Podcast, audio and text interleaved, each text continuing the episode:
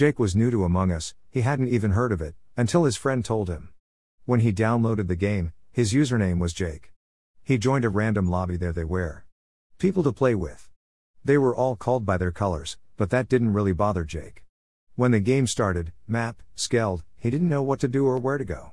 Suddenly someone walked over, he was a person who joined just as the game started. Unlike the others, he actually had a username.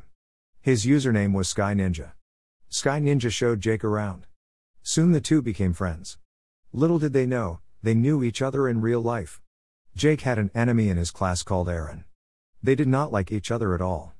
Aaron was a really annoying person, shouting out, bragging that he's the best and being a spoiled brat in particular. Aaron asked a question. Are you Jake, from my class? He said curiously.